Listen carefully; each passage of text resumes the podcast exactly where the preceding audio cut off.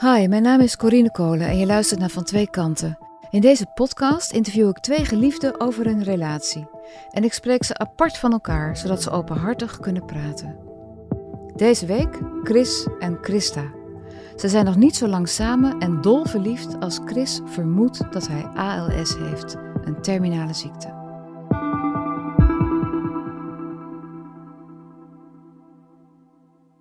Ik heb eigenlijk Christa twee keer leren kennen. Eén keer toen ik uh, zelf een jaar of twee, 23 was. Uh, toen was ik leider van een voetbalelftal en daar speelde Christa in.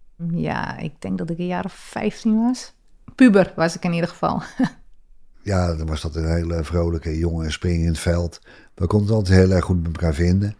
Ja, en wij zijn gewoon een ander leven gaan leiden. En uh, zijn ze vent tegengekomen. En uh, verhuisd naar de plaats verderop. En toen uh, kwam ik er, zes jaar geleden kwam ik er weer tegen. Er wordt hier heftig carnaval gevierd. En ik kwam een keer op een zaterdagmiddag. dan ging zij carnaval kijken met een vriendin van haar. En zij ging uiteindelijk naar huis, want ze had last van de voet. En ik ja, bleef nog hangen. En ik was met de auto, dus ik had ja, helemaal niets gedronken. Hè? En iedereen werd natuurlijk al blauwer en blauwer. Maar dat vind ik dan een soort grappig. En nou, ik stond daar al vijf uur middags. En dan, je begint dat bier drinken om tien uur. Dus het beste bij mij was er wel een beetje af. En uiteindelijk kwam ik Chris tegen. En hebben we heel de tijd samen gesproken. Toen dacht ik, oh, wat is het toch een leuke vent. En uh, de volgende dag werd ik uitgenodigd. Je kom een hapje eten, even bijkletsen. Wat had je gemaakt? Ik denk of chili con carne, of andijbiestampot of nasi. Want dat zijn dan drie dingen die we allebei heel erg lekker vinden. Dus een van die drie dingen, maar ik weet het, ik, ik weet het niet meer. Ik denk chili. Um, ik denk dat het hutspot was. Wanneer was de eerste zoen? 4 november. En uh, ja, ik draalde eromheen. Terwijl ik wel zoiets had, oh, ze is wel heel leuk. Ik, ik wil wel iets meer als uh, een hapje eten en een goed gesprek. En uh, heel de avond uh, ja, zat ik wel een beetje te triggeren en een beetje te flirten. Maar hij was heel, eigenlijk heel relaxed en heel, hij, hij hapte niet zo. En voordat ik de deur uit ging, toen, ja, toen pakte hij mij eindelijk beet. Ik pakte haar beet en gaf haar een zoen. Ja, sindsdien dikke mik eigenlijk. En nu wonen jullie samen? Ja, ik denk na die eerste zoen wonen wij drie maanden later wonen we samen.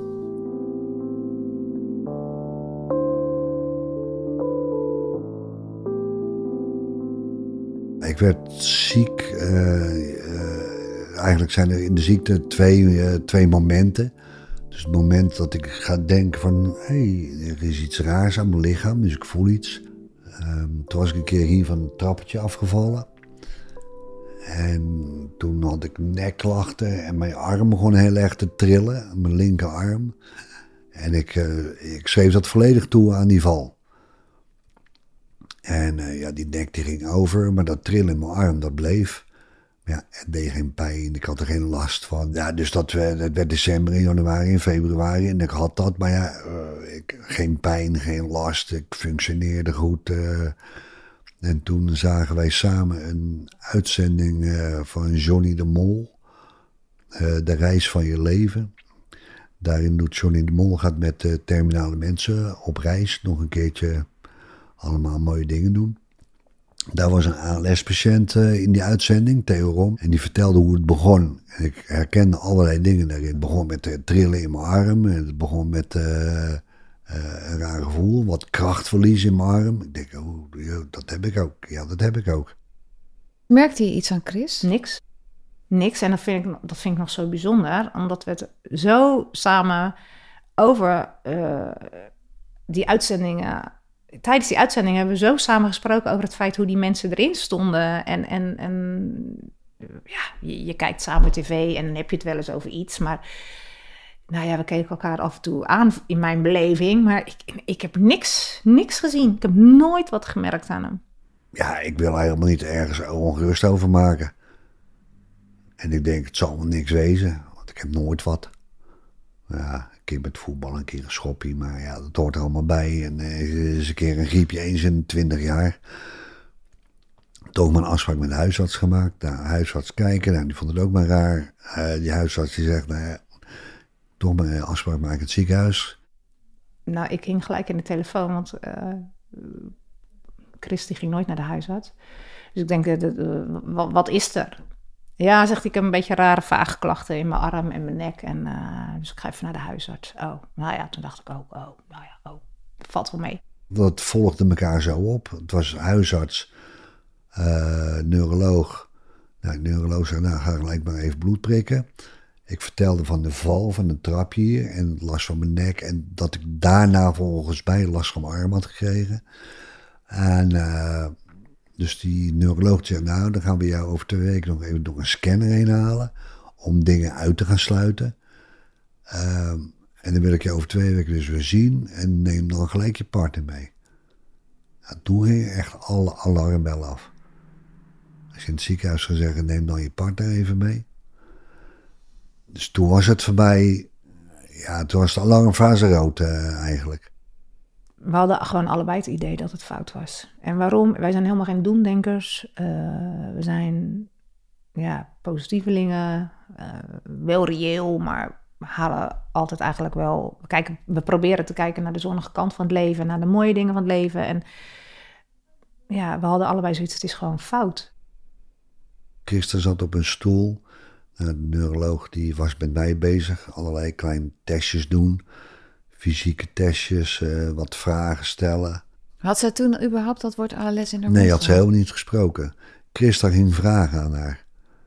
Ja, kan het dit zijn? Kan het een nekhernia zijn? Hmm, dat denk ik niet. Gezien de MRI-scan denk ik dat niet. En ik weet nog dat ik toen uh, vroeg en echt met mijn hele hart hoopte. Ja, dit klinkt heel hard. Waarschijnlijk voor heel veel uh, mensen kunnen het waarschijnlijk niet voorstellen. Maar ik hoopte dat het kanker was. Omdat je met kanker nog zoveel hoop hebt. Toen zegt ze, nee, het is geen kanker. Hoopvol vroeg ik of het dan misschien MS zou zijn. Nee, zegt ze. Ik zeg, ziekte van Parkinson. En ik, ik was gewoon mezelf voor de gek aan het houden. En eigenlijk ging dat steeds erger. En op het laatst zei Christa, na elke keer ontkenning van die neuroloog, dat denk ik niet, dat denk ik niet. Toen zei Christa, oké, worst case scenario, zou het ALS kunnen zijn? En toen zei die neuroloog, dat sluit ik niet uit. Ja, dan, dan, dan, dan zakt de hele wereld uh, eigenlijk uh, onder je voeten, alle vaste grond, zakt onder je voeten vandaan. En je kijkt elkaar aan en, en, en ik weet niet meer wat je, ik weet niet meer wat ik dacht. Ongeloof, terwijl we het eigenlijk wisten, maar toch ongeloof. Wanneer kreeg je de echte diagnose?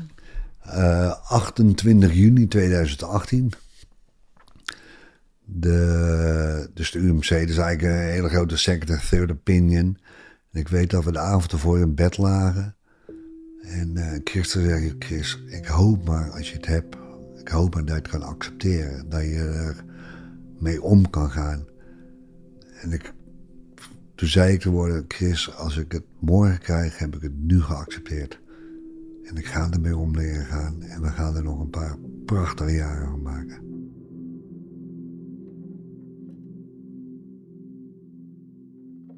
Dat was een dag voor de diagnose.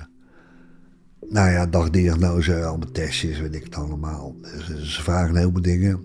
Ze noemen het wel eens uitsluitingsziekte, ALS. Ja, aan het eind van de rit, uh, na de lunch, twee boterhammetjes. Uh, word je in een kamertje roepen ze twee witte jas tegenover je. Dan mag je gaan zitten. Meneer, uh, we kunnen het niet mooier maken. U heeft ALS. Punt.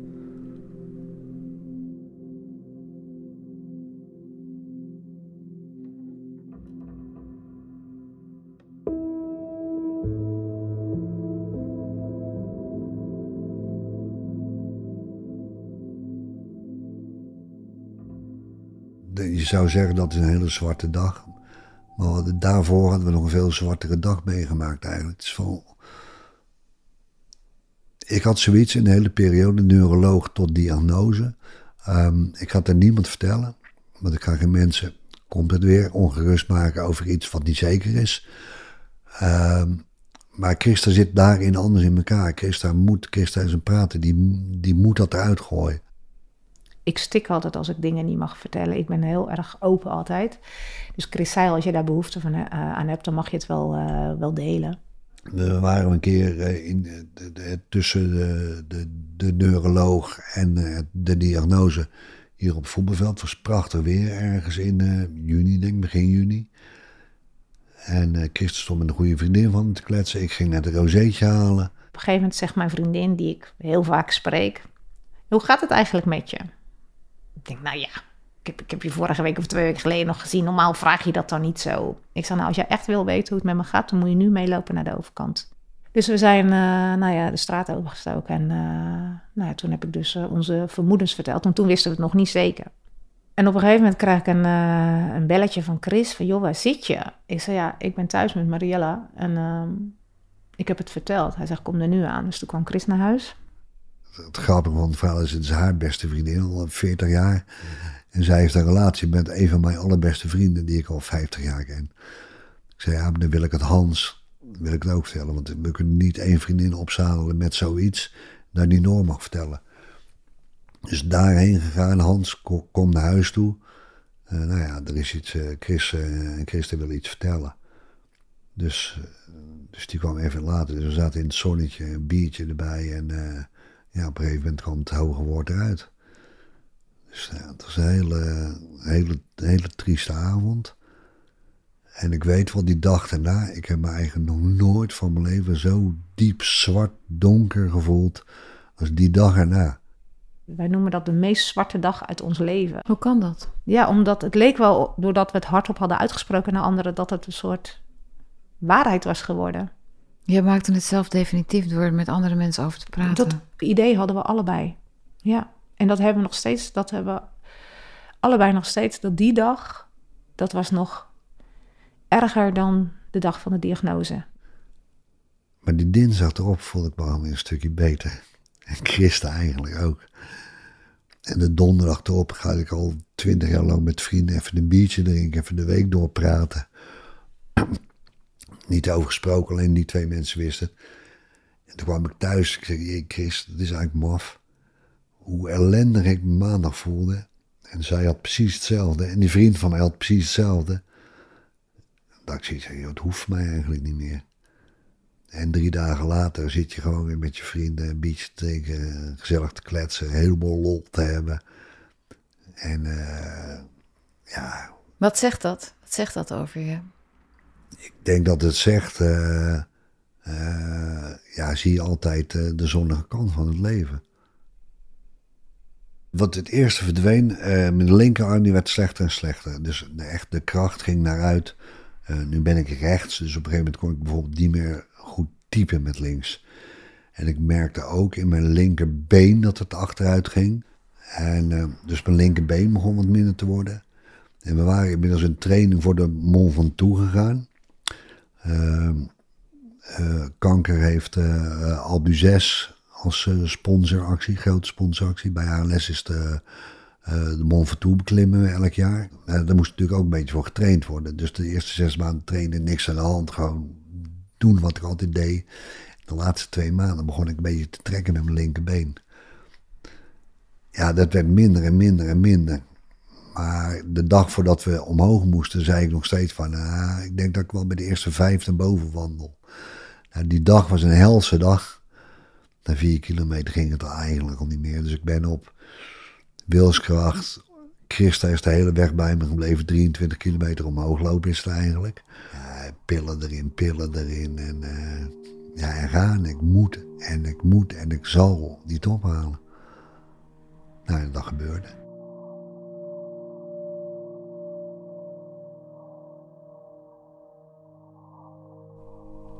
Het was echt.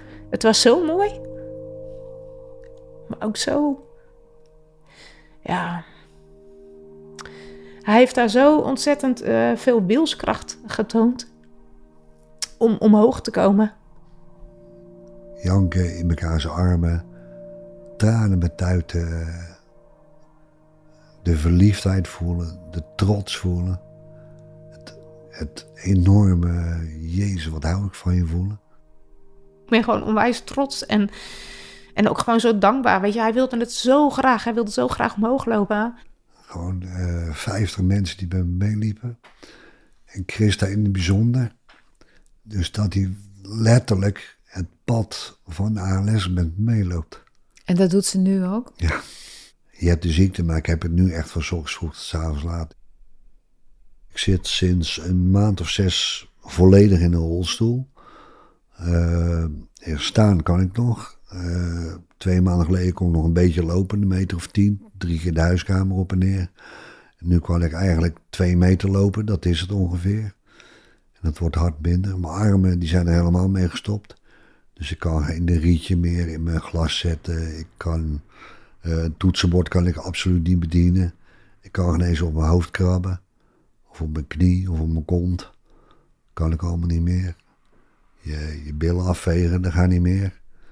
Uh, ja, gewoon nul, nul functie in mijn armen. Ik kan geen boterham naar mijn mond brengen.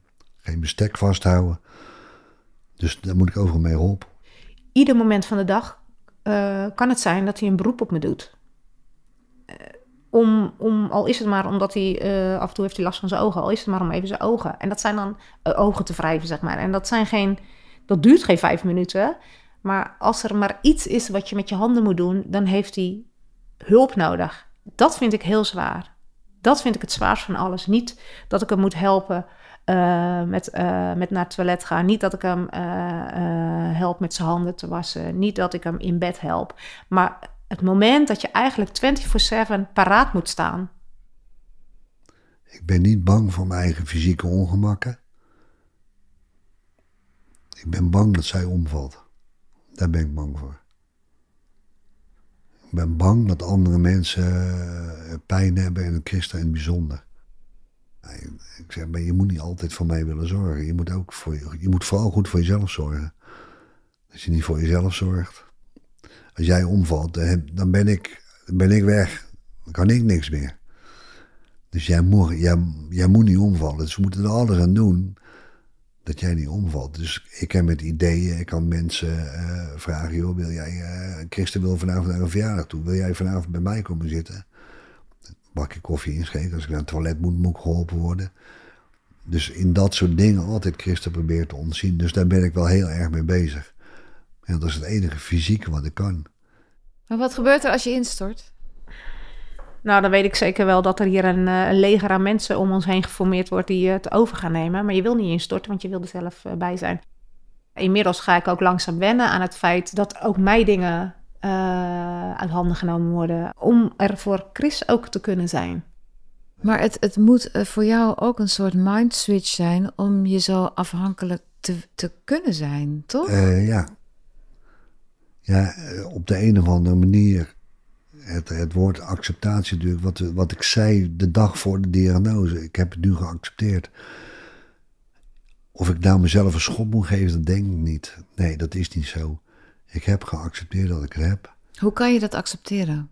Dat weet ik niet.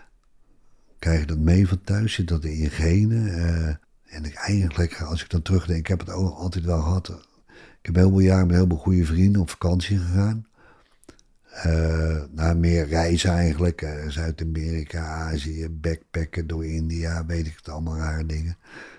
En eigenlijk vond ik het altijd mooi als dingen misgingen als het niet liep zoals het moest lopen, dan zag, zag ik daar natuurlijk wel weer de lol van in en de kansen van in.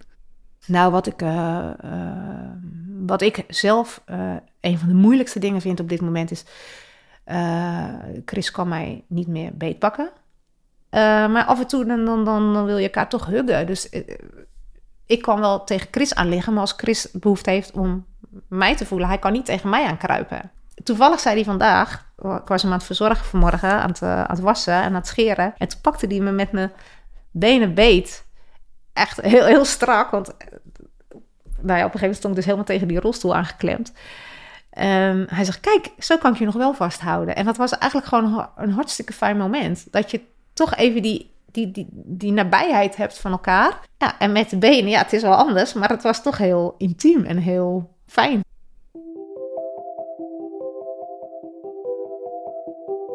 Je luistert naar het verhaal van Chris en Christa. Wil je reageren of met mij in contact komen? Mail dan naar vantweekanten.volkskrant.nl Van Twee Kanten is een podcast van de Volkskrant. Als je ons wilt steunen, dan kun je dat het beste doen door een abonnement op de Volkskrant te nemen.